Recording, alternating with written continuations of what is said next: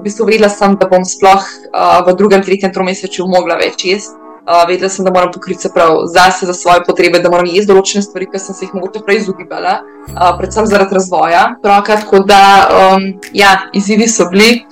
Se mi pa zdi, da je v bistvu res to konstantno osredotočanje na otroka v trebuhu, to mi pa nekako ne bo gor držane. Vedno, ko sem imela tisto občutek, da nekako ne bi rada jedla, da bi rada več trenirala, da sem lahko kaj ostal vse. Ne misliš, da je samo nas, lahko se boš še spravljal, redko karkoli se boš hotla.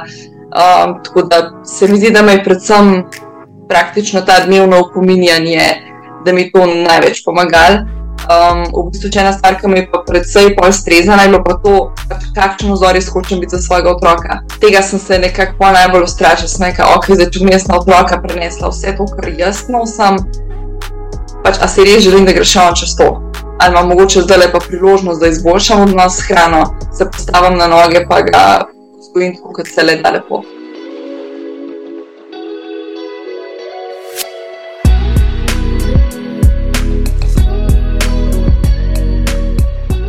Hvala.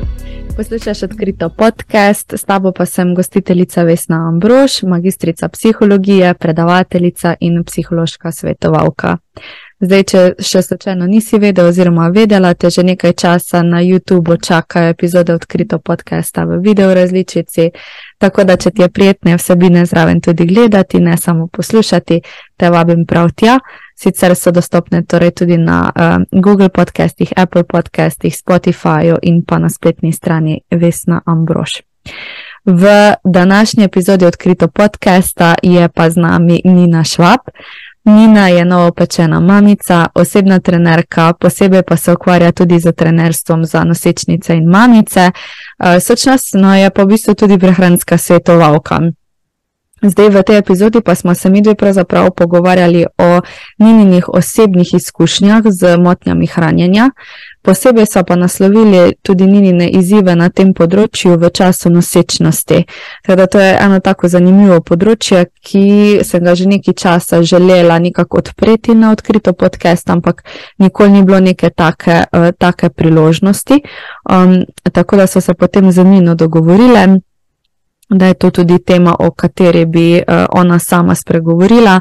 Um, tako da boste videli, v bistvu epizoda je res tako uh, ranljiva, nekaj posebnega. Um, Nina čudovito pripoveduje o svoji izkušnji, uh, Um, in orisala je v bistvu en tak svoj spremenjajoč se pogled na hrano, pa na lastno telo v času nosečnosti. Uh, tudi omenjala je recimo izzive z reguliranjem telesne aktivnosti. Uh, spregovorila je pa tudi o tem, kako v bistvu njen poklicni profil vpliva na njeno lastno dojemanje težav z prehranjevanjem in pa še veliko več najdete v tej epizodi. Zdaj jaz bi na tem mestu želela tudi opozoriti na eno tako omejitev odgovornosti.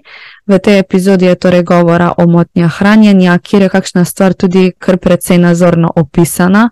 Zdaj, če imaš na tem področju težave in bi te to utegnilo kakorkoli prizadet, presodi glede nadaljevanja poslušanja te epizode.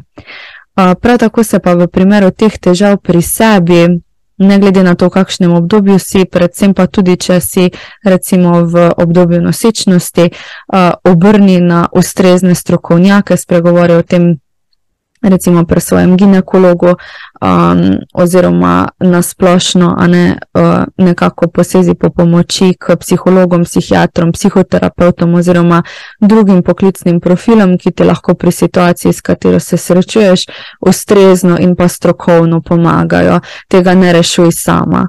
Um, oziroma, tudi sam, če imamo uh, kakšnega moškega poslušalca na, tem, uh, na tej epizodi. Preden pa te spustim v pogovor z Nino, pa bi te kot vedno povabila k naročanju na ta podcast na bilo kateri platformi, kjer ga trenutno poslušaš res eno tako veliko pomoč so mi mnenja v epizodah, pa ocene podcasta, eh, ker mi pomagajo stvarjati te vsebine še naprej eh, in pa povabiti marsikatere goste na ta podcast. Zdaj iz srca ti bom hvaležna tudi, če se odločiš screenshotati in pa podeliti poslušanje epizode na Instagramu, pri tem pa prosim ne pozabi označiti za afno skrito podcast, da te lahko sploh najdem in pa potem podelim tudi na svojem profilu. Zdaj pa gremo k epizodi.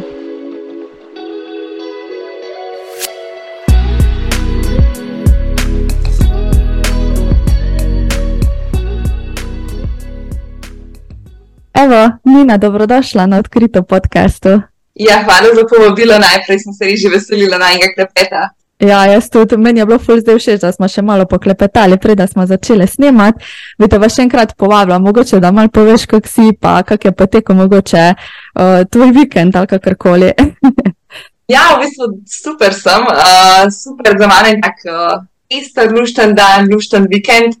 Um, v bistvu, tako bom rekla, odkar sem mlada mamica, noben dan ni več dolgočasen. Um, nobenega dneva si ne morem splanirati, kaj dosti naprej, vedno je nekaj uh, presenetljivega v dnevu.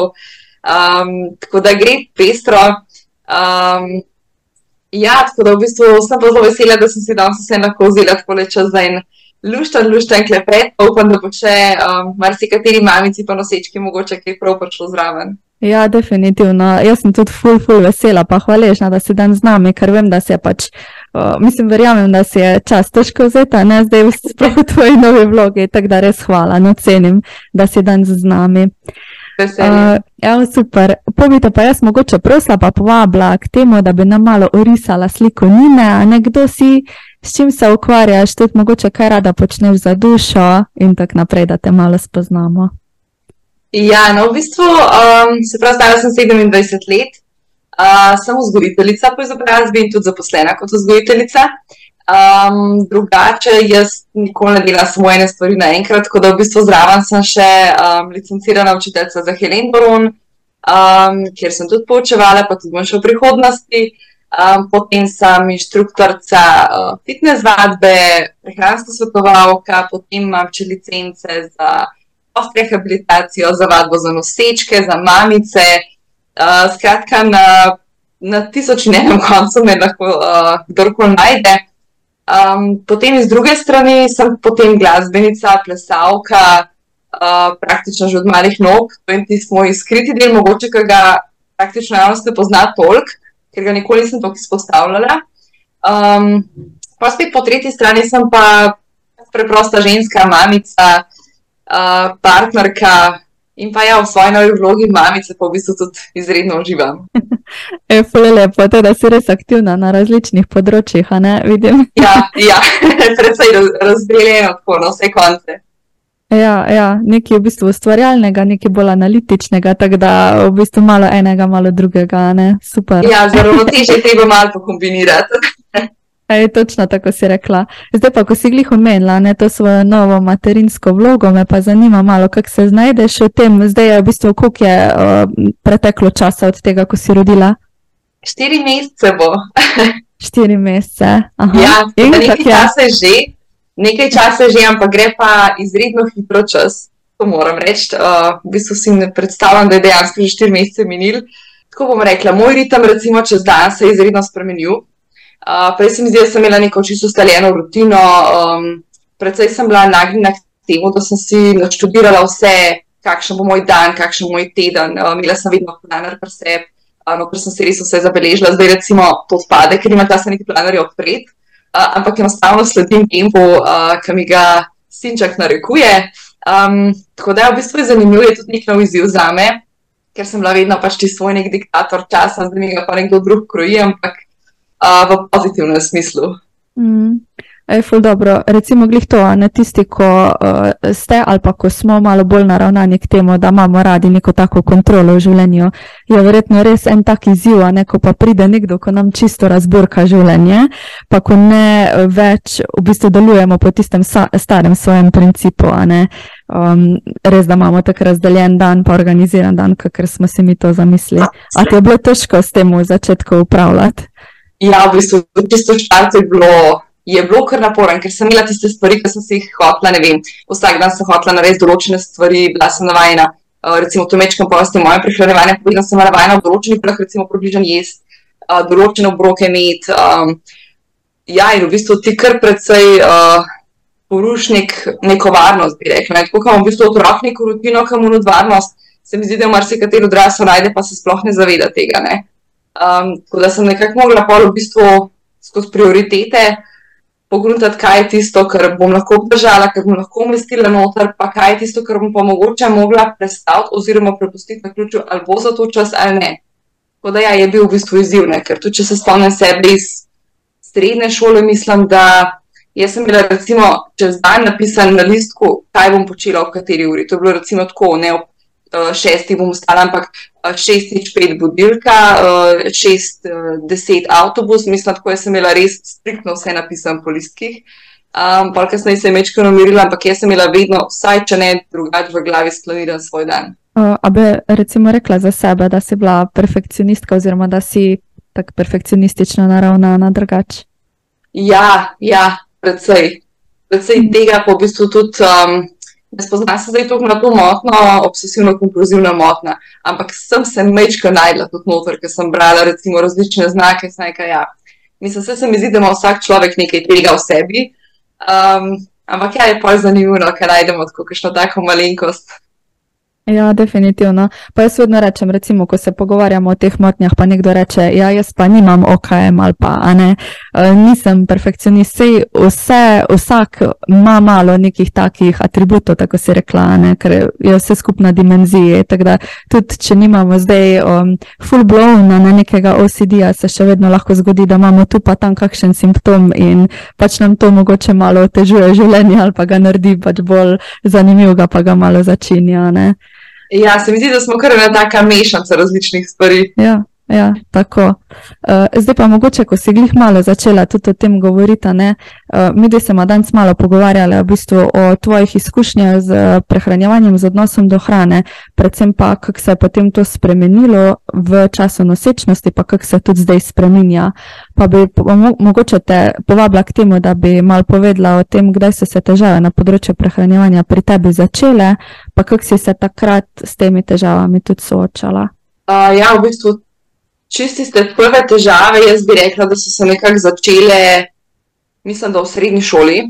Um, takrat sem, kako bom rekla, nikoli nisem bila recimo predebela ali pa niti za debelo se ne bi znašla. Recimo zdaj, ko gledam za nazaj, v bistvu se prav na svojo višino slabih 170 cm nisem nikoli prišla, mislim, da čez 68 kg, vedno sem se športom ukvarjala.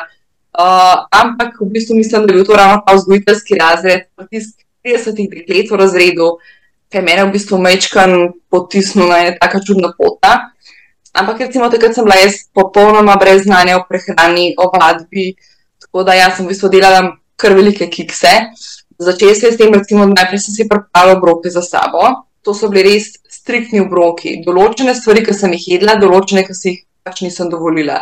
Tukaj sem naredila prvi kiks, ki sem začela ločevati na dovoljeno, nedovoljeno, um, na dobro, na slabo.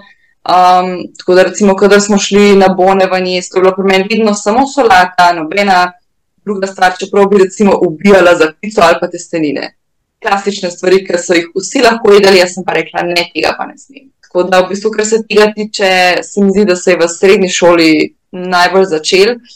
Recimo, velikrat se mi tudi to zgodil, uh, da sem pomislila, kako bi jaz zdaj to recimo, lahko handlala.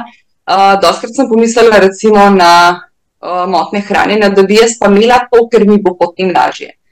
Um, in sem rekla, ok, anoreksija za me odpade, ker pač rada jim, to sem potegnila črto.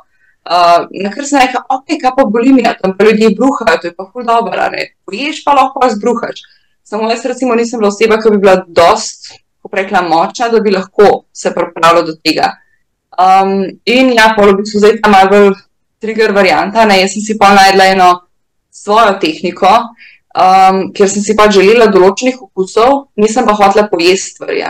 Jaz sem v bistvu hrano prežvečila in plunila ven, nekam pač do noben ne bi videl. To so bile pač tisti moji ekstremi, kaj recimo sem bila sposobna narediti, ampak recimo do teh situacij me je pač prevedel stres. Uh, največ, največkrat sem se recimo zatekla, takrat, ko sem imela res uh, stresno obdobje v šoli, uh, kar koli recimo, da sem se s kolegicami skregala, um, to je bila tista kaj bi rekla, moja rešilna bika. Um, tako da v bistvu se mi zdi, da to je bilo nekako tisto začetno obdobje. Um, Stopnevala se je pol, spet v eno smer na faksu naprej. Uh, takrat sem se v bistvu pridružila uh, tej plesno-nevijaški skupini z Majčice. In logično, tam je ogromno, kako bi rekla, taki, mečkam bolj prijeti dresi, kakšni topki, take stvari. In ja, ker nisem imela pač čisto javnega trebuha, je bil to za me nor stres, ker sem recimo ljubila ples ker sem bila res predana pač skupini, me je po drugi strani to skozi žrl, nisem vedela, kaj bi naredila in meni je bilo enostaven strah, recimo tudi jaz pred temi puncami, pa čeprav smo bile kolegice, ker sem se vedno počutila katastrofalno. Um, Doskrat se je zgodilo, da sem šla pač, če sem bila res lačna, ker to lahko traja po 8 ur, recimo trening, tekma, da sem šla v bistvu na vece nekaj pojesti, da sem skrila star, da tam pojedla um, in pa prišla nazaj, ker mi je bilo enostaven, grozno je bilo, pač kako bi si jaz, ker sem taka, recimo, lahko dovolila jesti.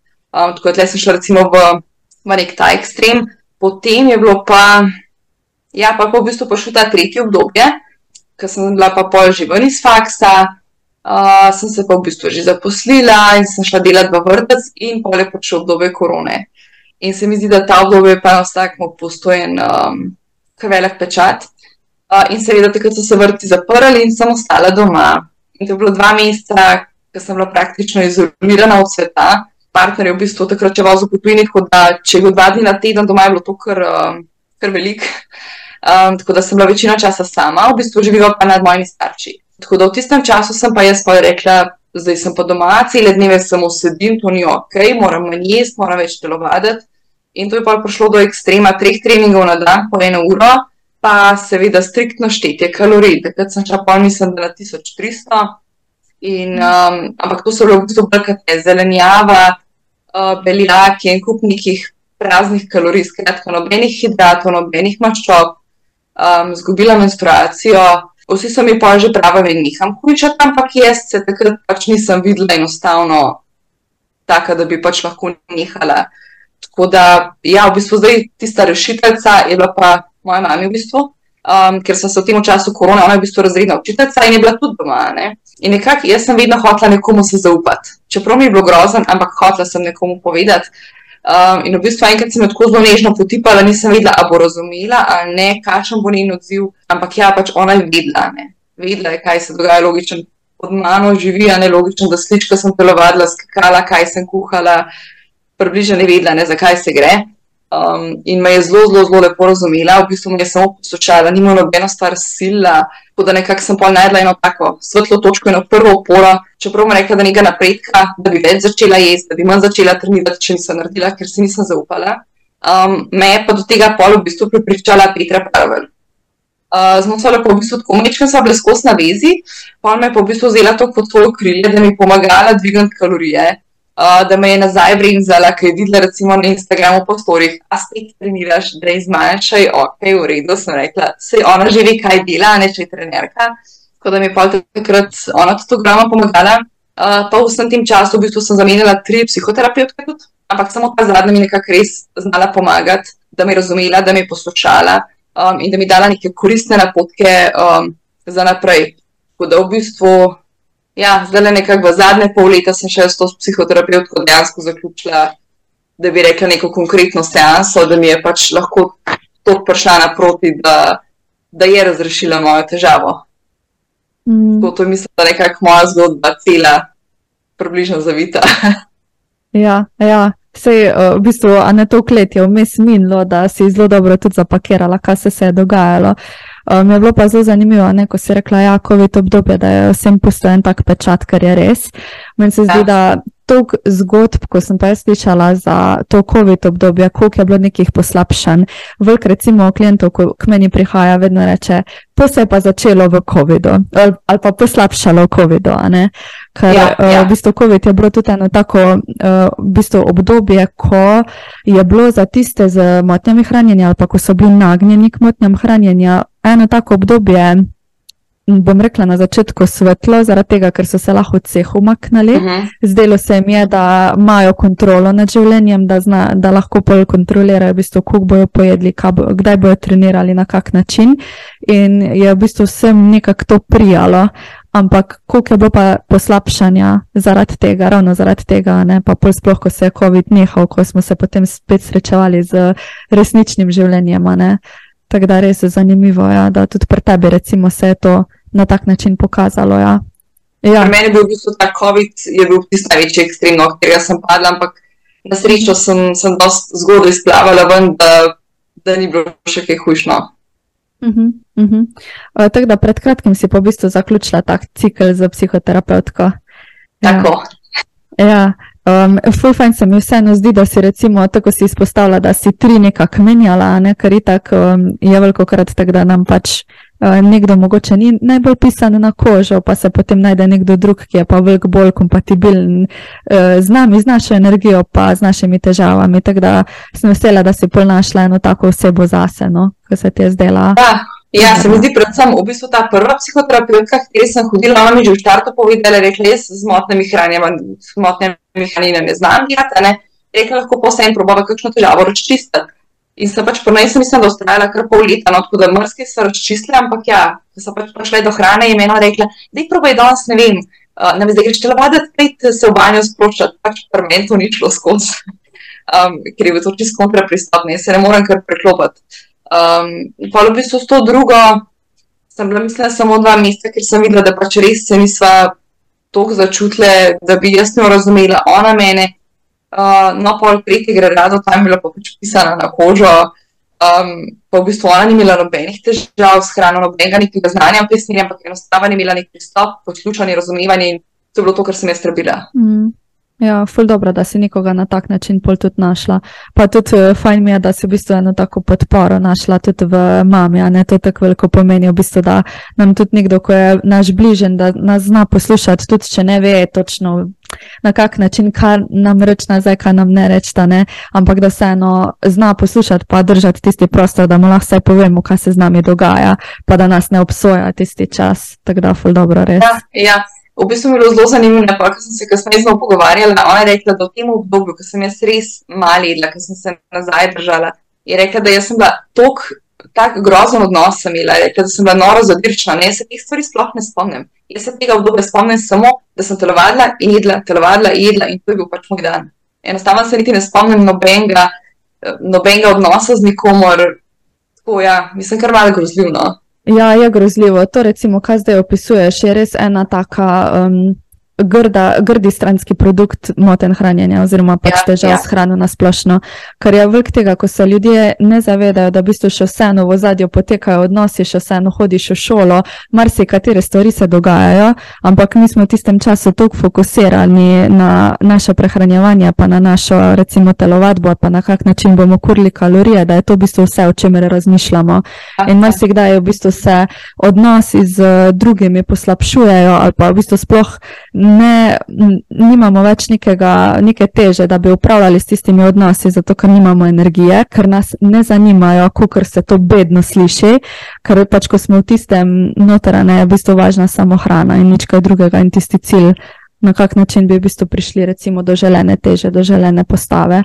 Teda to so res v bistvu neki taki specifični problemi.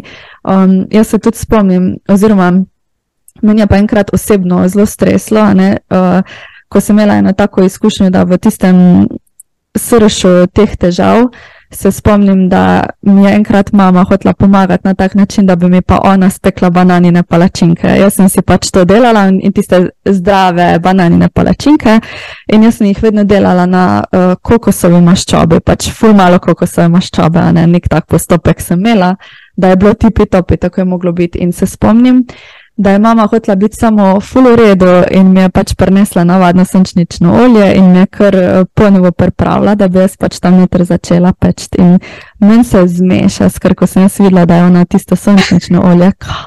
Kako si zdaj, kaj si noter ulila, pa koliko si dala, ne meni ja, se je zmešala. Ja. Res grozno je bilo, ko so letele take besede, ampak to je bilo v takem afektu neke jeze. Jaz v bistvu nisem bila jezna na njo, ampak v bistvu kar bruhnalo je iz mene ne? in to je v bistvu govorila motnja hranjenja, ne jaz.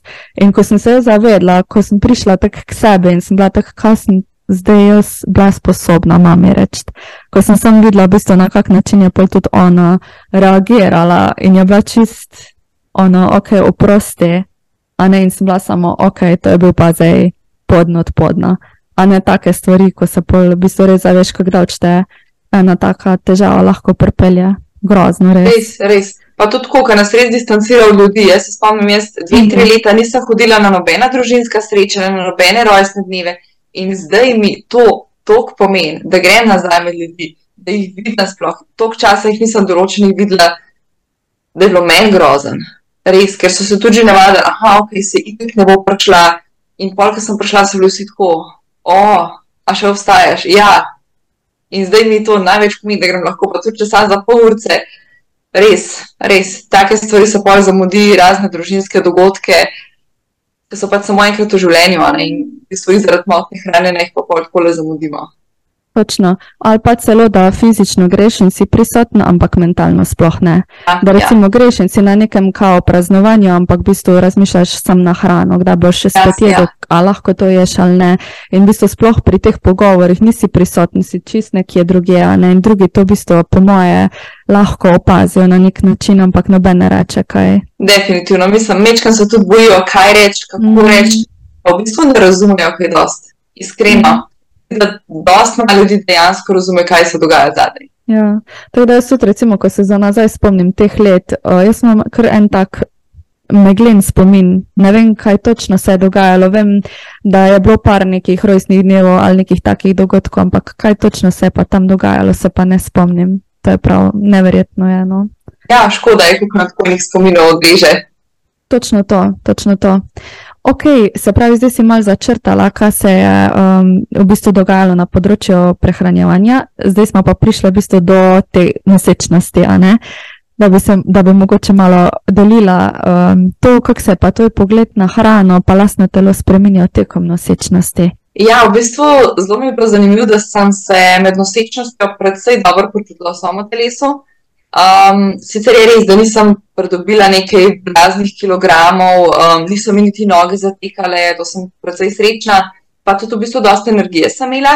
Uh, tako da sem se, recimo, kar se tiče svojega izgleda, sem se dosta ok počutila.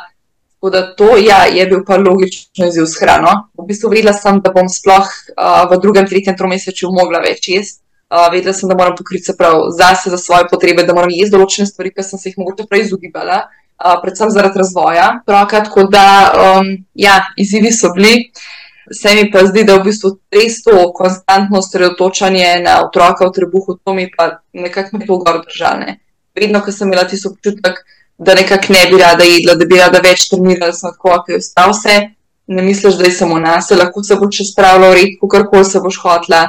Um, tako da se mi zdi, da me je predvsem praktično ta dnevno opominjanje, da mi to največ pomagal. Um, v bistvu, če ena stvar, ki me je pa predvsej bolj strezala, je bilo pa to, pač kakšen vzor jaz hočem biti za svojega otroka. Tega sem se nekako najbolj ustrašila, sem rekla, ok, zdaj če bom jaz na otroka prenesla vse to, kar jaz nosim, pač a si res želim, da greš on čez to. Ali imam mogoče zdaj lepa priložnost, da izboljšam odnos s hrano, se postavim na noge, pa ga vzgojim tako, kot se le da lepo. Mm. Ej, fu lepo. Sem imela kar mal kurjo kožo, ko si o tem govorila, res. Ko to je eno tako posebno obdobje, ne, ko v bistvu res moraš razmišljati ne samo na sebe, ampak na dva oziroma na otroka. Ne. In Ja, ja. velikrat je tako, kot sem tudi brala, pa poslušala neke statistike, da je v času nosečnosti velikrat pride do izboljšanja pri tistih, ko imajo matnja hranjenja.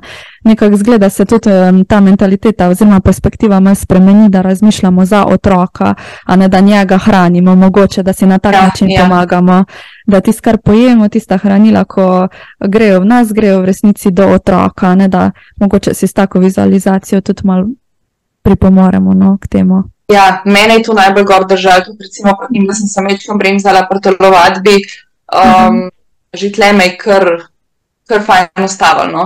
uh, da v bistvu nisem delala kakšnih traparij, ampak um, tudi na srečo sem jih predno sečno zaključila um, licenco oziroma certifikat uh, za vadbo pa prehrano nosečnic pa mladih mamic, uh, tako da mi še to mečkam pomagalo, drugače bi znala kakšen kic narediti. Ja. Ja, o, super, tako da mimo grede čestitke, super. Hvala. ja, odlično. Um, ja, tako da tekom nosečnosti se tako spremenja nekakšna naša perspektiva, pa cela mentaliteta. Kaj pa recimo, ko si, um, a na veliko nosečnic ima mogoče tudi s tem težave, ko gledaš na svoje telo, nekako se spremenja skozi čas. Kako si ti to dojemala, recimo v začetku, ko si potem tudi, ne vem, videla tisti plusek, pa si pa nekako verjetno tudi začela dojemati kar hitro, da se bo telo začelo spremenjati. Kako si to sprejemala, recimo? Ja, v bistvu najprej mi je bil tisti šok. Um, v bistvu ne toliko šok, mogoče se mi zdi bolj pritisk, recimo, um, ki sem ga pričakvala od okolice. Ali logično, ok, da je pa osebna trenerka, ona mora biti pa fit, super, oh in sploh. In sem bila nekaj časa, ker potem pritiskam, ok, zdaj moram to popolno zvoziti, uh, ne smem imeti uh, dveh kilogramov preveč, pač mora biti oh in sploh vse v redu, mora biti skozi fizično aktivna. Um, in to me je na začetku kar precej stresiralo, sploh ker sem bila mogoče prve tri mesece malenkost bolj utrujena, um, ker me je tudi ta slabost me izdelala. Um, potem sem imela še, mislim, da v koncu drugega meseca sem imela še bakterijsko pljučnico, tako da sem bila praktično povožena, ampak me je še ta stres pozdraven, me je še psihiral. Um, pa sem pa v bistvu pogruntala, da pač se moram malo odklopiti. Uh, v tistem času sem pa tudi malo manj objavljala uh, na Instagramu, pa mečkam več in se posvečala sebi. Tudi mehko sem iskala pol te meditacije, vizualizacije. Recimo na Instagramu sem spremenila tip objav, ki sem jih iskala. Ne? Iskala sem pol recimo klasične nosečnice, tiste, ki pač so si dovolili dol usesti, spočiti, jesti, ne tiste, ki so bile, ja, jaz bom pa zdaj do zadnjega dneva full aktivna, pa šla v fitness. Pa sem rekla, ok, mogla se bom začeti poslušati. Recimo tukaj mi je psihologinja full pomagala. Mi, da so pač začele rekla, lej, 15 minut na dan si vzem, usedi se dol, to je tvoj počitek. In iz 15 minut smo lahko šle pa na konc na eno uro počitka brez slabe vesti. Ker prej je bilo po meni grozno se vse izdol, jo, zdaj pa že 15 minut sedim, zdaj bi pa mogla nekaj narediti a ne v bistvu ta del mi je tudi ogromno pomagala. Um, je pa pol v bistvu tako meni se recimo, da bi rekla, trebušček nek začel poznati dosti pozno, v bistvu tam četrt, pet mesec. Um, ampak sem ga predvsej lepo sprejela. Um, nekako nimam kakšnega recepta, ampak sem mislila, da tista ljubezen, ki pride zraven. Ker enostavno pač čutiš, nekaj se dogaja. Ko če v bistvu začneš čutiti otroka, ki se premika, ti je pa pol ti strebuh nekaj najlepšega, kar imaš lahko ko jim pa v bistvu večje, ki je, bolj se pozna, ali ne, se mi zdi to pa komplimenti drugih, um, ti pa pa v bistvu odpravijo vse dvome, da bi karkoli bilo lahko narobe. Mm. Točno, ja. V bistvu tudi drugi ti dajo vedeti, da ker si drugačna, ker siješ, to se v bistvu res vidi. Ja. Um, tako da v bistvu tudi sama sebe mogoče dojemaš, ja, ker se ne dojemaš več kot v bistvu osebo taka, kot si bila, ampak kot nekdo, ki nosi otroka, ne tisti trebušček v bistvu predstavlja točno uh, rast, razvoj tega, kar v bistvu raste v tebi, a ne neko novo življenje. Tako da, definitivno se uh, tudi veliko ženska ne s tem srečuje, da v bistvu jim je prav všeč način, kako izgleda njihovo telo med nosečnostjo, ja, ja. ker je v bistvu potem uh, celo bolj sproščena, zato ker lahko poroči življenje od trebov, da ven, a ne in se ne obremenjuje ja, ja. in ga ne drži, in ga ne drži toliko not, kot ga je skozi držala. Tako da ene imajo v bistvu tudi kar tak, tako izkušnjo, ne. Spet druge pa ja, neko sekiranje, ne, in tudi vejo, da bo pač trebušček vedno večji, tako da zelo različne izkušnje so, ja. Uh, sem vesela, da je pri tebi tako pozitivno. No? Da je bilo ja, da, da si treba že v štartu mečkam um, organizacije narediti, kar se tiče garderobe.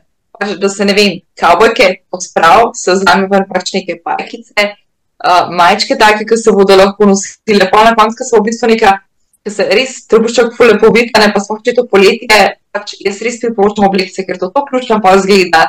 Um, in take stvari, res, ne vem, se mi zdi, da pa mečki tudi dajo tisto energijo, tudi mamici. No? Tako da, predvsem, ja, prilagoditev garderobe. Ja, ja, to je ena taka zelo dobra, dobra nasvet, ja, definitivno. Um, zdaj pa, recimo, itak na splošno temo, recimo motnje hranjenja ali pa težave na področju prehranjevanja v nosečnosti. Meni se zdi, da je ena taka tema. Meni je bilo ful dobro, ko si mi recimo ti pisala, uh, ko sem tudi spraševala za ideje za epizode, pa si rekla, da to je bila ena ful dobra ideja, pa sem bila tek, oh moj bog, pa če res bi bila ful dobra ideja. In pol vedno, ko sem razmišljala o tem, koga bi povabila, dejansko se noben ne s tem ukvarja. Meni je bilo dobesedno noro, ko sem iskala nekoga, ne, da bi mi odgovoril na to vprašanje, potem sem imela tudi. Um, ne vem, kje je bila že uh, 48 ali kje je epizoda, ko je prišla v bistvu gospo, uh, gospa Ana Mirkoviča, ne? ona je uh, pedopsihiatrinja in se tudi ukvarja itak z motnjami hranjenja. In tudi, ko sem jo vprašala, ne, ena izmed vprašanj je bil to, kadarkoli imela izkušnje s tem motnjami hranjenja med nosečnostjo in je bila sem pač ne, to mi je pa res tako neznano področje, da a ne noben nekako ne o tem govori, tako se mi zdi, da je tudi v neko stigmo mogoče zavito, uh, tako da mi je ful dobro, no, da izpostavljaš tudi to temo, pa da se lahko o tem pogovarjamo. Mi veliko pomeni v bistvu, da nekdo o tem spregovori. Ja, se mi zdi, da se kar mečkam tako. Ja, bojijo v bistvu omeniti, po eni strani se mhm. nosečnica sama boji omeniti, ker se boji, da bodo zdaj grdo gledali, da je bo rekla, da ne skrbi za svojega otroka. po drugi strani pa v bistvu vse, kar ona rabi, je pač pomoč. Nekoga, ki bo dejansko prišel na pomoč, ki bo poslušal, ki bo pokazal, kaj pa lahko naredi, ki ne bo obsojal, enostavno samo to, ker se tega pač, se mi zdi, vsaka najbolj boji. Mm. Točno to, ja. Uh, sem pa že slišala res tudi za zgodbe, um, se tako sem prej rekla, prvo, v kateri se situacija dejansko izboljša, kar je zakon, prvo, kjer je pa v bistvu situacija enaka, ne, zdaj ne vem ravno za poslabšanje, ampak recimo, da je enaka in da govorimo o, o bolimiji nervozi. In se tekom nosečnosti v bistvu tudi namerno bruha ne, in sproža v bistvu to um, bruhanje. In je verjetno tudi iz tega vidika prav nelagodno, ko pomislimo na to, ne, da ženska sama svojemu telesu, tako si omenila, ne, na nek destruktivni način pristopa k temu, hkrati pa nosi svojega otroka, kako je v bistvu to lahko riskantno za otroka, a ne verjetno na tak način se vedno razmišlja. Zato je tudi to tako neko temo zavito, pa se o tem ne govori. Ja, se mi zdi, da tle recimo meni, um, meni so bili tudi fulo pomoč, um, kot neke afirmacijske kartice, to mi tudi psihologinja v bistvu svetovala, da si naredim. Um, praktično je z nekimi mislimi, ko sem res dobre volje, kako koli, sem si pač naredila ne razne kartice, um, lahko počivaš, dovolj si počitek, uh, vredna si, lepa si, take stvari. In takrat, ko sem imela težek moment, sem vzela te kartice ven in sem jih samo brala, eno za drugo, eno za drugo. In pač, ker so to samo kartice, se pač noro, noro pozna uh, efekt.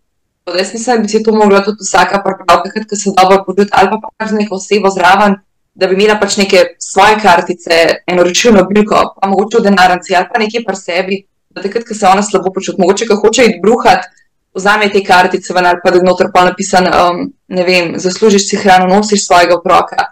Uh, take stvari se mi zdi, da, da so precej podcenjene, no, ampak imajo pa velike efekte. Mm, ful dobro, uh, ful dobro na svet. Pa tudi to, kar si prej omenila, ne, da se konstantno opominjamo, da hrana, ki jo jemo, gre direkt do otroka. Mogoče tudi ja, ta vizualizacija tega. Ja, ja. Kako v bistvu s tem pomagaš otroku, da raste, da se razvija, mogoče ti na tak način tudi hrana gre lažje nekako dol. Um, super. A si mogoče uh, ja, imela še kako tako? Ja, a si mogoče imela še kako tako stvar, ki ti je recimo pomagala pri tem upravljanju z odnosom do hrane tekom nosečnosti? Um, v bistvu, kako je lahko za, to, ne, pač za nekoga to negativno, jaz sem si uh, vseeno približno štela kalorije, le iz tega vidika, da sem jih dosti pojedla. Ker včasih sem pa ne vem, jedla, pa jedla, pa sem nekako, se, se sem že dosti pojedla, da, da ne bom preveč pa sem šel pogledat, nekaj ne le moraš še jesti, ne vem, vzem si še jogurt, vzem si kosmiče, vzem si ne vem kaj, samo pač nekaj če pojej. Recimo, velikrat se mi je tudi zgodil um, v zadnjem tromesečju, predvsem, da sem se zbudila ob 3-4 ponoč lačna. In takrat sem se mogla kar precej izbrati, da sem rekla, ok, le lačna si, rabaš hrano, stan pa je jesti. Pa čeprav sem si recimo zabeležila, da sem pojedla dost. Uh, tako da ta je bila kar precej taka močna psihološka uh, varianta za me, ampak uh, takrat sem pa res tako nasajkala, ne mislim zdaj na vse, da je očitno tvoj otrok rab hrano, pej ti jaz, ne rabaš po iz hladilnika, povej ne vem, prigrizak, to je to. In sem se v bistvu pa navadila, da sem imela nekaj na nočni v marci nekaj, ker pač v bistvu s tistim velikim trebuhom pol na koncu stajati je kar izziv. Uh, tako da je fajn imeti mogoče vse nekaj po roki, pa tudi ne vem, če recimo zdaj tako, da ima pač katera težave s hrano, ne si proba najti en prigrizak, ki ga lahko sprejme, ki je njej ok. Uh, ne vem, za nekoga bo to sadje, za nekoga so to, recimo, meni so bili datli ful dobri, ker i tak pravijo, da so dobri zaradi poroda, da jih se jih recimo je. Se neka, ok, le datelj je dober za to, pa še recimo malce imam. Uh, tako da si proba mogoče na ta način večkrat pokombinirati. Mm. Ful dobro, ful dobro. A si pa recimo tudi uh, vadbo, kaj, mislim, to i tak vem, da si vmes omenila, da si prilagajala vadbo v času nosečnosti. Kako si jo pa recimo prilagajala? v bistvu sem mogla predvsej prilagoditi, sploh v, bi rekla, prvem mesecu, mogoče, ker v bistvu mi dva sta šla v postopek umetne oploditve, kar pa pomeni, se pravi, tista funkcija je, um, kaj nekako prvi del postopka, je praktično kar dosti intenziven poseg in se pa njemu res, res pač je treba par dni res počivati. No, tudi na bolniški si takrat. In ja, meni je bil to kar stres, najprej sem rekel, ok, se pravi, mogla vse odložiti, ampak sem se pa zavedala res stranskih učinkov, če ne bom počivala, kaj se lahko naredi. V bistvu lahko bi izgubila tudi oba dva um, jajce voda, ne tako da pa ja, več nekaj, kot sem rekla, s tem se pač res ne bom igrala. Um, in sem pa takrat res hodila samo na sprehode v štartu, uh, potem po transferju sem se tako bala, ne, joj, da ne bo slučajno zarodek vam padel, pač čiste klasične uh, ženske travme in take stvari. Um, tako da sem rekla, ok, pač mir se lepo se sprehajaš, to je to. Pa sem pa v bistvu začela tako, najprej nekako delati mečkan te lažje vaje z lastno težo, da sem spet prišla mečkan noter. Um, se tako, kot sem že rekla, tisti prvo tromesečje je bil pri meni kar mali zil, pa še zaradi bolezni, zaradi utrujenosti pa slabosti. Potem bom rekla, v drugem tromesečju sem telovadila na polno. Jaz sem se res dobro počutila, meni je takrat pasa, takrat sem lahko premikala meje. Um, so bile mogoče kakšne dve, tri vajce, ki sem se jih pač mogla izogniti, ne raven jih začne se pa malo ta ležanje na hrbtu, mečko odsvetujejo, take stvari sem malo zamenjala. Um, pol v bistvu v tretjem tromesečju sem pa začela spet mečka, ni da to drži. Uh, malo več sem delala na samem sproščanju, kaj sem še kaj takega počela. Ja, v bistvu več teh vaj za nosečnice, klasičnih, sem vključila za tudi za večkrat aktivacijo, v bistvu te trebušne stene. Medenično odnos sem predvsem sproščala, no, ker imam predvsej zakrčenega, recimo, tako da tega pol nisem rabila toliko uh, delati. Um, jaz sem pa predvsem zmanjšala intenzivnost. Mi je bilo pa vsem pomembno, da sem se bolj kot ne vsak dan gibala, ker sem se veliko bolj počutila. Um, pa v bistvu v, zadnjem, v zadnjih dveh mesecih sem pa dodala še jogo za nosečke čeprav nikoli nisem bila iskreno navdušena nad jogo, ampak ta mi je bila pa tako vrhunska sprostitev, ker je bilo res malo tako joge, malo je bilo vizualizacije, se mi zdi tako dva v enem sem pol naredila. Ja, ja. Ej, zdaj sem se mimo grede spomnila, ko si to govorila. Jaz sem danes poslušala, medtem ko sem se iz službe vozila, ta tvoj pogovor z, z tvojo dulo. Um, ne spomnim se njenega imena trenutno. E, Aha, ja. In je res bil čudovit pogovor. Jaz ga bom polinkala v opisu epizode, tako da vsako bi ga poslušal. Jaz res priporočam, ker si je povedala zelo velik stvari, ne, na kak način si v bistvu tudi ti uh, laže prišla skozi porod, oziroma da je bil porod prav ful lepa izkušnja. Tako da vsem, če jih to zanima, pa um, si lahko v bistvu pogledajo. No. Eh, bom tudi pripela ta, ta link, da se lahko vsak ogleda pa posluša. Meni je bila res ena tako zelo lepa epizoda, oziroma live je bil na Instagram live. Ja, ja. Da, odlično, res tam imeli ful dober pogovor, tako da se pohvale tukaj. ja, hvala. Stvari, ki bomo tako hitro predstavljali, v bistvu, kako se da. Na lep način praktično speljati prvi porod, ker tako, kot ga vidimo v filmih, kako pride kot cela tragedija, lahko ven um, se pač da narediti polučno zadevo. No? ja, točno to. Ker v bistvu zdravniki na tak način tudi prepravljajo, ja, da je to v bistvu v prvi vrsti medicinski poseg, ali skrbi lahko tako rekel. Ja, ja. Kar je itak res, mislim, se je res. Ampak zdaj, če lahko narediš eh, porod lep, zakaj pa ne? ne? Zdaj, če se tako to da. Je. Tako ja. je, se, se splača vzeti tako čas, da se, da se mamica prepravi, ker ja, to lahko hrate eno lepo doživetje je tista varianta, sej bom pozabila te bolečine, samo da bo otrok tukaj. Ja, ja, točno to. Točno to. Uh, Tako da, ful dobro. Ja, zdaj, če imamo imele potem še kaj časa, mogoče lahko malo zajadrama tudi v te teme, bi te pa še prej vprašala. Um, zdaj, to je tudi eno tako malo tači vprašanje. Um, zdaj, glede na to, da si ti prehranska svetovalka, ne imaš veliko nekega znanja, veliko neke prakse na področju pač prehrane in itak treniranja tudi. Um, me pa zanima, ali ti je bilo to znanje nekako v pomoč pri lastnem soočanju z motnjami hranjenja, ali ti je bilo to bolj ovira? Um, v bistvu bolj mi je bilo kot pomoč, ker v bistvu edina ovira, ki bi mi mogoče lahko bila, bi bilo recimo to, da smo se tudi naučili šteti kalorije. Ampak jaz sem to iskreno delala že prej. Tako da meni je bilo v bistvu pomoč, zato ker sem se naučila, um, katerih stvari jaz nisem jedla, pa bi jih mogla uh, predvsem pa posledično tudi, kaj rabimo v nosečnosti, kaj rabimo za razvoj otroka. Tako da, kar se tega tiče, mi je bilo predvsem pomoč, uh, pa pa recimo, da sem lahko določila, kakšen energijski vnos sploh rabim, uh, da sem se večkrat teh stvari zavedala. Tako da pač neko, kaj bi rekla, neko tako osnovno izobraževanje ali pa večkrat seznanjena s prehrano bi jaz vsaki mamici priporočila, mogoče še preden se začne pripravljati na zanositev. Um, v bistvu tudi uh, Ana, ki si zadnjič gostila, ne, ona ima v bistvu cel profil izredno, izredno tak poučen. Se mi zdi, da bi si mogla na vsaka um, nosička ali pa bodoče mamica vzeti mečkan časa pa pregledati, uh, ker praktično v bistvu vsi podajo samo, ne vem, recimo prenatalne kapsule je treba jesti, ampak zraven je še tokenih stvari, ki bi se jih bilo potreben držati ali pa jesti, da, da si je fajn mečkan pogledati. No, ni vse tako, um, bi rekla, tako kot včasih re, rečejo, sej vse je dan noč prebrala, pa ste vseeno vsi gor zrasla. pač, dajmo probati narediti mogoče pač najboljš, kar se da za otroka. Pa zdaj tudi v zadnjem času, ko sem poslušala te uh, podcaste, uh, mislim, da z uh, Danajo oblak, ko ima nosečko, pa potem z Minimelos, uh, z Aido. Uh, Eh, so vsi nekako strokovnjaki tega govorili, eh, da je res posmešno, kako starejše generacije to omenjajo skozi. Ja, sej mi pa nismo tega delali, pa ste v redu razrasli. Kar se tiče hrane, kar se tiče mogoče gibalnega razvoja otroka, ne? da ja, pa smo te dajali vseeno v hojico, pa zdaj čisto v redu hodiš. Ja, ja. Sam, to je tako, res je fusmešno, ker se ne gre za to. Mogoče boš zaradi tega imel, zdaj jih imaš recimo za to težave v križu, kot te boli ali pa te ja. vsake toliko seka ali pa te zdaj rama boli, a ne pa v bistvu pač tega nisi, ne s tem povezuješ kar takoj. Teda, če se da, zakaj pa ne bi izboljšal teh stvari? Ja, ja res se mi zdi, da pač neko osnovo bi, bi se mogla vsaka naučiti, no, oziroma ne tukaj naučiti pač prebrati teh takih stvari se ni treba učiti, no, ker so to življenjske, pa mislim, da se nam kar nekako tisnejo v spomin. Ja, absolutno, ja. itak te zanimajo v tistem obdobju, ko jih poslušaš. Ja. Um, je pa tudi res, pač, da moraš neko zdravo kmečko pamet tudi uporabljati po logiko, pri tem, ko te informacije preberaš, da še vse ne toliko kompliciraš, da te ne totalno prevzamejo um, te stvari, ne, ampak da pač jih poskušaš vnašati v svoje življenje, pa v otroško življenje, koliko je pač smiselno, ostalo si pa tudi pač sproščena, ne pa vsake to, kdo voliš, da čist. Um, nekako kak teče življenje, ti teče z njima, ne? da ni zdaj vse skontrolirano. ja, ja, pa predvsem mogoče to, da se v bistvu jemlje informacije iz zanesljivih virov. Ne vse samo iz Google, ker tam pa piše, ja, vse živo.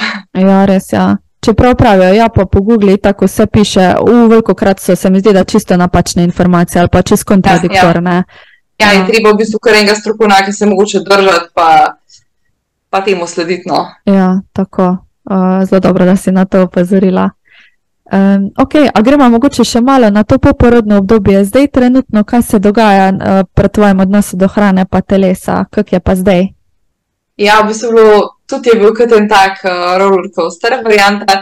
Um, se pravi, v bistvu prve dni v porodnišnici um, sem imela tisto občutek, joj, se zdaj pa nimam nobenih težav več s hrano, ker takrat si enostavno pozabil na vse. Takrat sem pojedla tako, čisto vse, kar sem mi prinesla, imela sem kuline hrane čez sabo, ker pač takrat si realno noro, noro lačen. Um, in jaz sem imela pač občutek, ok, le, nimam več težav s hrano, to je to. Um, ja, ta prvi teden, ko sem prišla domov, kolaps sistema, um, spet si pač pritisnem, ok, nekaj si sam pripraviš, nekaj ti drug pripravi, ok, kaj je zdaj v tem, ko mi je en pripravil. Um, Čiste ena druga hrana, ki smo prej mogoče bila vajena, In ja, nekako so se mi tisti občutki bolj od prehrane, oziroma od težav s hrano, vrnili nazaj. In logično, pač, ker sem hotela pa mogoče malo manj spet pojesti, so pa še težave z dojenjem. In pa sem imela še stres in strah, da imam dost neka, a ga nimam, a bom lahko dojila. Um, ja, in tle sem jih pol kar večkrat zakockala, hotela sem spet noro šteti kalorije, ampak pač v tem tempu, recimo, ki sem ga imela, je bilo to praktično nemogoče. Pa seveda spet nisem imela kontrole kot je zdaj, ne vem, recimo neke polente skuhane. Nimam pojma, kako bi to ocenila, nisem imela občutka za te stvari. In to me kar precej sesul. Um, tako da v bistvu pol nek en teden sem bila nekako mečko zgubljena. Um, pol pa v bistvu mislim, da je bila mama spet tista, ki me je res lepo, lepo podprla, kar se hrane tiče. Ki mi je v bistvu tudi, ne vem, kar mi je skuhala, mi je povedala, kaj mi je dala noter. Recimo. Um, nikoli mi ni hotela potikati nobene stvari, skrivati nobene stvari, ne, ker v bistvu je pač razumela me. Je. Videla je, da bom, če bi enkrat recimo zvedela, da mi nekdo nekaj potaknil noter, da bi jaz ne vem, več kalorij kot kako zaužila, da bi verjetno se pač vrgla v totalno restrikcijo. Um, tako da v bistvu, kar se tega tiče, mi je noro pomagala. Rekla je samo to, ki bom skuhala, ker boš rekla točen tok, take stvari, ki jih hočeš jesti. In sem pa dobila eno zaupanje, ok, v redu je, lahko jim. Um, potem so dulami tudi pomagali, ker so bili konstantno na vezi, še tudi po porodu. Um, pa v bistvu ogromno podpore sem imela pa še od ene kolegice, ki je pa sicer zdaj poporodna dula. Ona mi pa tudi v bistvu od prvega dneva so bile na vezi, um, res me spodbujala k temu, da čim več jem, kaj ne dala je, da je recimo za kakšne prigrizke vmes, ker pač nimaš vedno časa kuhati. Mi je pa v bistvu dala tudi enkrat eno tako primerjavo, ki me je pa najbolj spriznala. Um, je rekla, da si pa predstavljaj, da ti zboliš, pomreš, koga bo imel tvoj otrok ta primerjava me je pa tako postavila na realna tla, da sem rekla, ok, zdaj pa jem. In od tistega momenta naprej mislim, da, da mi ni več kakšen blazen problem, karkoli pojesti. Um, je pa res, da si na približen si beležen kalorije, ker tudi vidim, da včasih mi zmanjka časa za jesti in premalo pojem. Uh, tako da si moram pisati, imam ne vem, razno razne prigrizke od sezamovih ploščic, škotov, ni da ni, samo pač do nekako približen pokrijem tisto potrebo, zato da sem jaz lahko mirna, sigurna, da bom imela dosti recimo energije še za otroka zraven. Ker na v bistvu zdaj, ker sem začela tudi mečka bolj biti aktivna, trenirati nazaj, pač še več porabam nimam pa vedno časa pol kot pojesti, ker sem na tisoč koncih. Tako da ali zaradi tega vidika si pa še vedno na približen, saj prečtevam, koliko zaužijem, pa kaj zaužijem, da je recimo vse en dost maščob, uh, ker jih otrok rab za razvoj, ker jih jaz trebam za svoje delovanje, da si hormone nazaj postavim. Tako, no, v bistvu sam zaradi tega brkat ne imam zdaj še.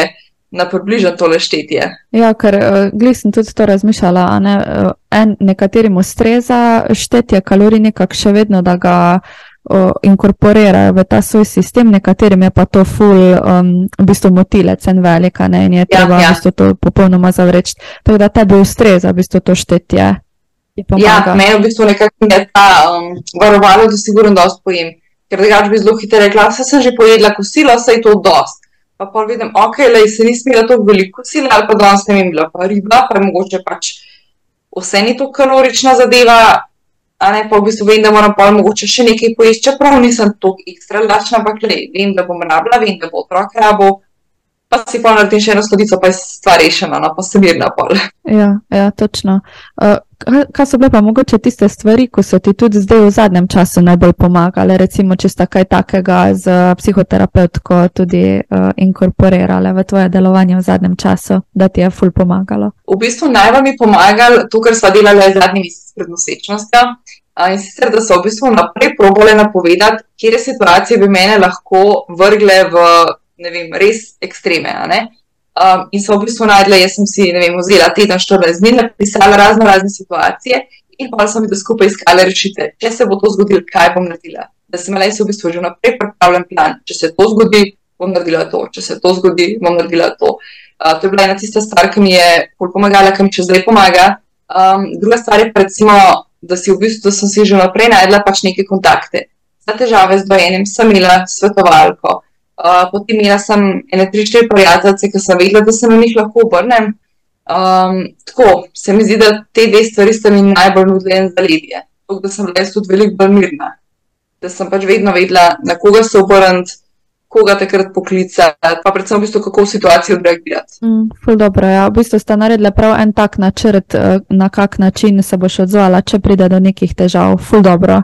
Ful. Ja, ja, se mi zdi, da bi to mogla mogoče vsaka narediti, ker po porodu vse stvari spremenijo. Pride do situacij, ki te totalno vržejo stila in takrat si. Kot mamica občutljiva, hormoni ti bivajo in takrat imaš časa trezno razmišljati, kaj bi zdaj jaz naredila takrat moš pač vedeti. Mm. Tudi, recimo, zdaj mi je skozi glavo šinilo to, da bi pride do takega dogodka, ko se ti otrok fuljoče, pa ga do, dobesedno ne znaš pomeriti. Ne? Da narediš že vse, pa se otrok enostavno ne umiri, pa še vedno joka, pa si sama, pa to traja ure in ure a ne kaj boš zdaj v tistem trenutku naredila. Ful dobro je imeti nek plan, zato ker če si ti neprespana, to poslušaš že ne vem koliko časa, uh, nisi tako ali tako ne dovolj pojedla, ne ti imaš v bistvu 0% energije in v tistem trenutku se ti lahko zmeša, dobesedno. Tako da je ful ja, dobro, ja. da imaš en tak plan, da veš, kaj narediti, na koga se obrniti. Um, tako da to se mi res ful dobro zdi, da si se tako podprla, ne, da imaš neko tako široko mrežo ljudi, na katere se lahko zaneseš. Tako da to je vedno ful dobro. Ja. ja, se mi zdi, da se je vsem treba pripraviti. Ne večina se jih nekako pripravlja, mogoče samo na porod, redko kdo, pa dejansko na poporodno obdobje, pa je v bistvu ključnega pomena za te kot za mamico, pa pač za otroka, ker takrat tam dobiti ste prve izkušnje, prve vtise in se mi zdi, da se takrat največ da narediti. Kaj pa recimo glede vadbe, a jo tudi zdaj kako prilagajaš, a ne ti si zdaj v bistvu zelo sveža po porodu, še bi lahko rekle. Um, pa tudi recimo za tiste mamice, ko zdaj poslušajo, pa so tako, aha, kaj bo zdaj rekla, ne, ona je trenerka. Uh, a lahko skočimo kar nazaj v neko vadbo, um, ali na kak način bi ti priporočala, da se tega lotimo? Tako, v bistvu. Um...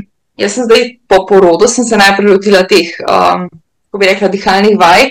Uh, to se jih lahko izvaja že takoj po porodu, ne v bistvu, da se začne mečkan povezati uh, trebušno steno nazaj z medeničnim dnom, da usvojimo mečkan to trebušno dihanje nazaj. V bistvu ista vaja, ki se jo nekako dela lahko že uh, pred porodom. Uh, nekateri jo imenujejo Hug the Baby, ključna vajca, drugače, ki se v bistvu res trebušno tako premakne cel gor. Uh, ko se na YouTubu veliko posnetkov, ta je simpatična. In recimo na ta sistem se lahko že začne delati praktično takoj po porodu, oziroma je fajn, da se začne takrat delati, uh, sploh če recimo kakšna diastaza. Um, to vam načeloma mislim, vsak je pač pregledal to načeloma v porodnišnici, tudi že, če ne prej pa pol ginekologinja. No. Ampak zdaj sem v bistvu si vzela tako, kakšen mesec res samo bolj za te dihalne vaje, za, za aktivacijo teh mišic, obstaja čudo pa pol vaj. Um, večina se jih lahko izvaja leže, ker je super, da imaš lahko do nečega zraven. Uh, narediš čistih par vajc, 10 minut na dan, ali pa mogoče dvakrat na dan, uh, tako da nekaj začutiš, kaj je, ki se kaj dogaja. Um, je pa pač tako fajn v prvem mestu, dveh mečka več počivati, gnizdati, se naspati, pa spočiti. To je nekako tisti, um, bi rekla, prvi del. Um, po nekaj, ki sem po dobrem mestu, pa začela mečkati začeti, ja, že s kakšnimi vajami, ampak sem začela se pravi z vlastnim telesom, se pravi z vlastnim bremenom, to je bilo to. Um, potem sem pa počasi, bi rekla, po mesecu pa pol, sem pa začela dodajati kakšne elastike zraven, ampak tu so bile izredno prilagojene vaje, nobenih, da bi rekla, tistih trebušnjakov, ne se pravi noč, ker bi mi lahko povečal diastazo. Um, pa če vedno sem v bistvu delala cel program vaj za značene diastaze, pa za krepitev trebušnih mišic, ki so takrat nekako najbolj na udaru. Um, tako da to zdaj, recimo, ko sem pa bila 3-4 mesece, uh, po porodu sem se pa nekaj že zbremenila, ampak um, ne bom dala tako disclaimer, pač po pameti to treba delati. Zdaj, da bi rekla eni mamici, ki se fulno ukvarja prej recimo z bremeni, da gre lahko zdaj v fitness, um, ni čas. Mogoče pod, bi rekla, nadzorom trenerja, ampak spet trenerja, ki se spozna na nosečke, pa na mamice, ne pač kjerkoli trener, ker je to čez drugo znanje. Um, tako da sem v bistvu sem se zdaj že vrnila večkrat do teh uh, teži, ampak to pa še deleč ni tiste, niso tisti treningi, ki sem jih imela recimo pred nosečnostjo. Tako da v bistvu moramo res poskrbeti za to, da se najprej v redu spočijemo, pa regeneriramo telo, ne pa tudi psihično, v bistvu prej, da se začnemo zopet um, podajati v tako vadbo, kot smo jo delali prej. Pa je tako vsaka mora vedeti, v bistvu, kak nivo je imela um, pred tem, ne, zdaj, ne moreš ti naenkrat zdaj začeti pa trenirati, tako nisi še nikoli. Verjetno ni najbolj ja, primeren ja. čas za to. Pa tudi recimo za kakšne hit vadbe, pa to ne vem, kako se ti zdi, ko fej skačeš, pa to že, a ne po, takoj po porodu. To verjetno ni najbolj primerno, ali pa kak tek, res intenziven. Ja, v bistvu se in tek in kakšne take skakajoče zadeve se predvsej osvetuje. Um, drugače, recimo, spet pri nekih profesionalnih tekačih, ki tečejo do zadnjega meseca nosečnosti. Tam je vse nekaj drugače, čeprav vse bi jaz rekla, pač ne takoj po porodu se teh zadev lotiti. Nekateri imajo, recimo, vidijo že pri sprehodih, da pač čutijo nek pritisk, in takrat se je pač treba ustaviti, takrat ni le se vna tudi po 14 dneh vozička, pač ne ti se ustaviš in to je to, in delaš naprej vaje. Um, recimo, včasih se zgodi, pač na hujša poškodba med porodom, pa se jo takrat ne opaz, a ne se tudi ne sanira obstajajo pač fizioterapeuti za medenično dno in to jaz toplo priporočam. Ne, to nobeno osebno trener, nobena trenerka za nosečke tega ne more vedeti. To je vse pač star v telesu, um, tako da tu treba biti kar precej pozoren. Pa tudi v bistvu to bi še upozorila, mogoče ne veliki je pa pol takih, ki ravno za nos in rečejo, jo, zdaj so pa rekli, da sem noseča, se moram pa začeti gibati, ker to je ful dobro. Pač ne takrat pola res preskoka, pa na res en ekstrem. Pač postopoma pa počasi pač, če si se prej fulgibala, ok, nadaljujem, ampak uh, ne pa povedati, da sem pa zanosila, da moram pa na polno. To je pa pa tisk, ki ga marsikaj tudi v štartu lahko naredi. Ja, ja, da bi zdaj pa čiste zamenjala nek svoj režim, pa začela ne vem s kakimi treningi. Ja, ja. Ne vem, kakimi cilji, ne, to je mogoče čas pol za poporodo, ko se vse stvari lepo utečejo, pa regenerirajo. Ja.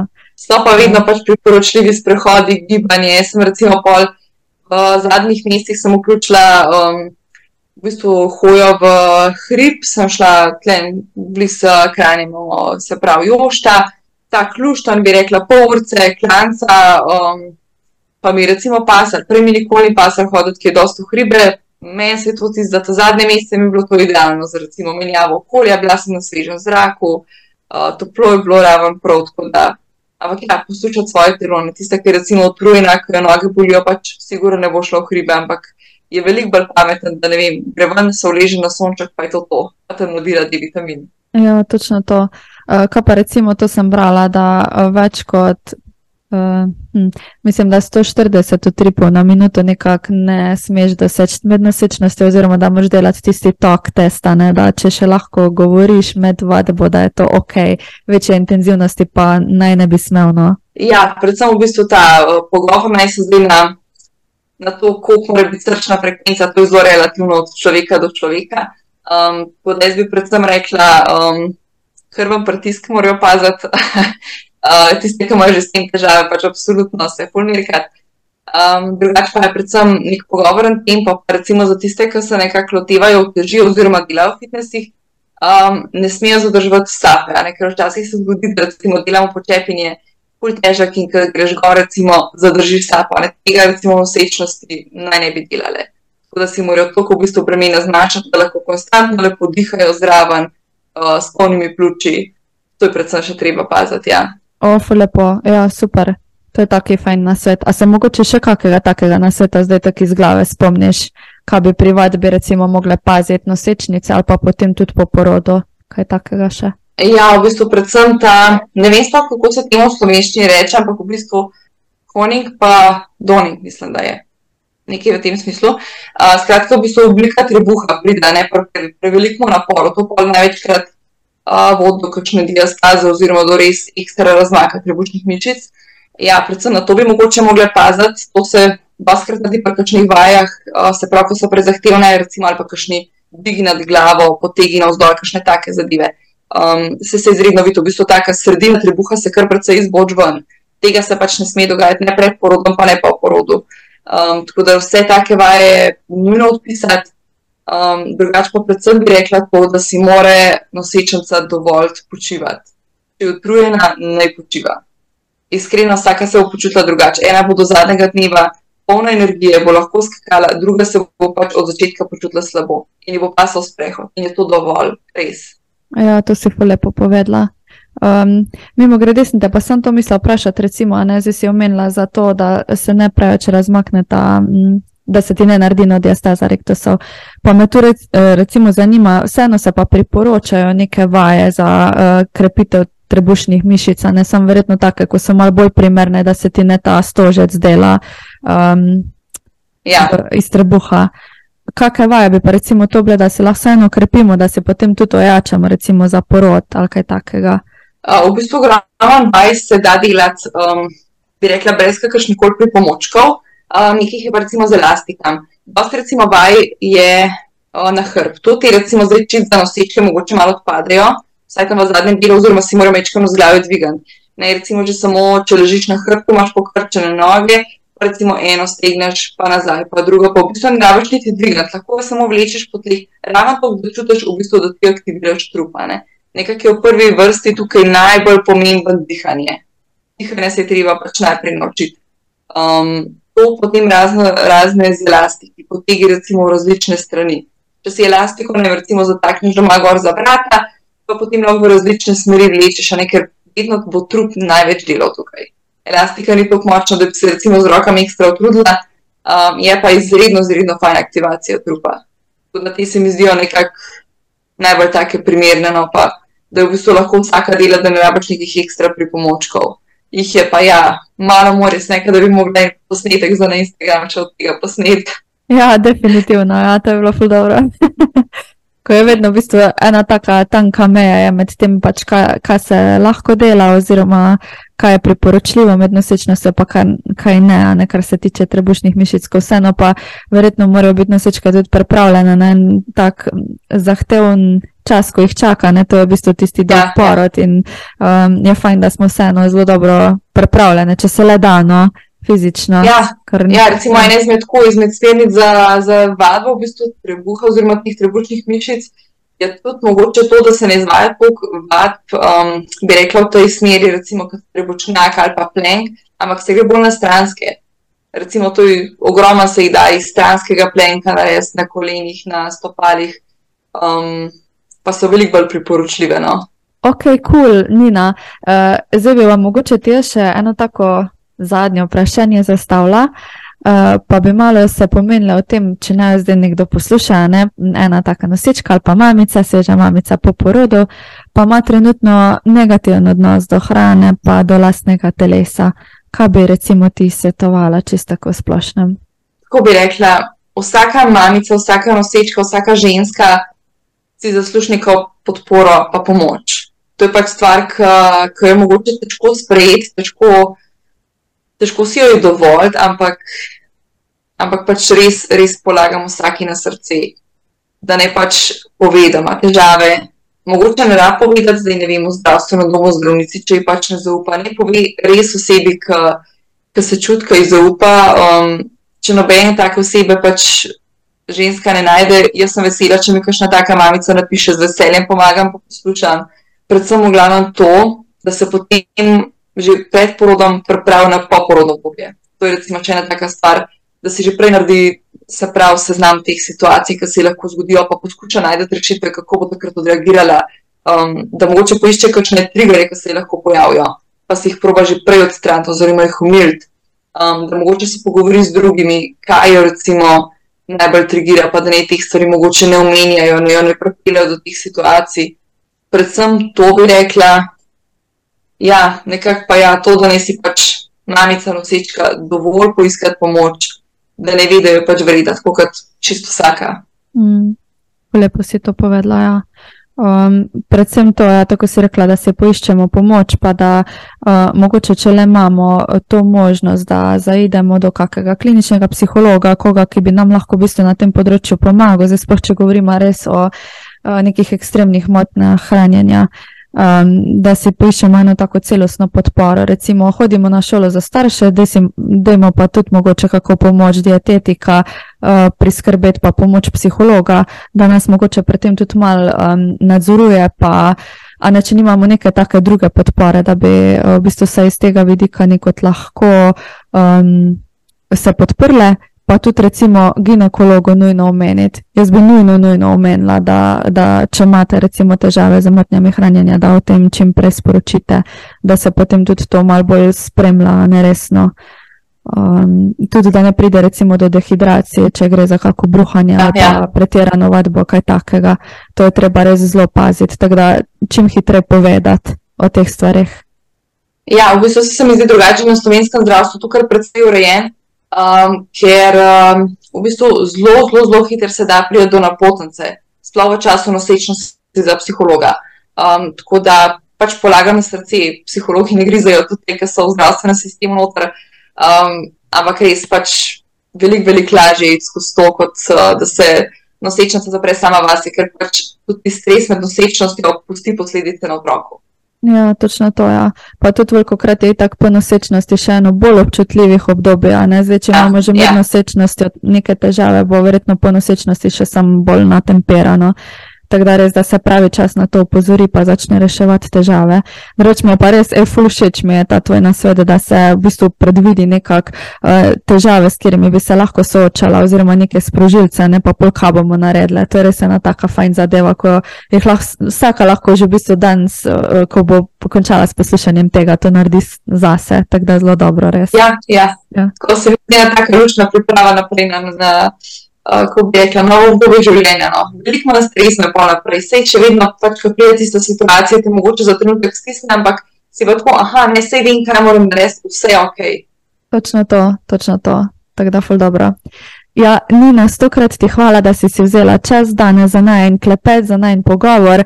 Jaz mislim, da si dala enih fulko takih praktičnih nasvetov, meni je to vedno tako všeč in pa zelo koristi v bistvu vsem, ko to tudi poslušajo. Tako da upam, da če se je kera v teh uh, najnih besedah našla, da bo tudi našla tisto moč v sebi, da spregovori o teh težavah, s katerimi se sooča, pa da začne te težave tudi čim prej reševati. Uh, tako da še enkrat stokrat hvala no, za tole. Ja, hvala tebi za povabilo. Z veseljem. Vsem, ki to poslušate, pa lepo se majte, pa se slišimo v naslednji epizodi. Čau, čau. Čau.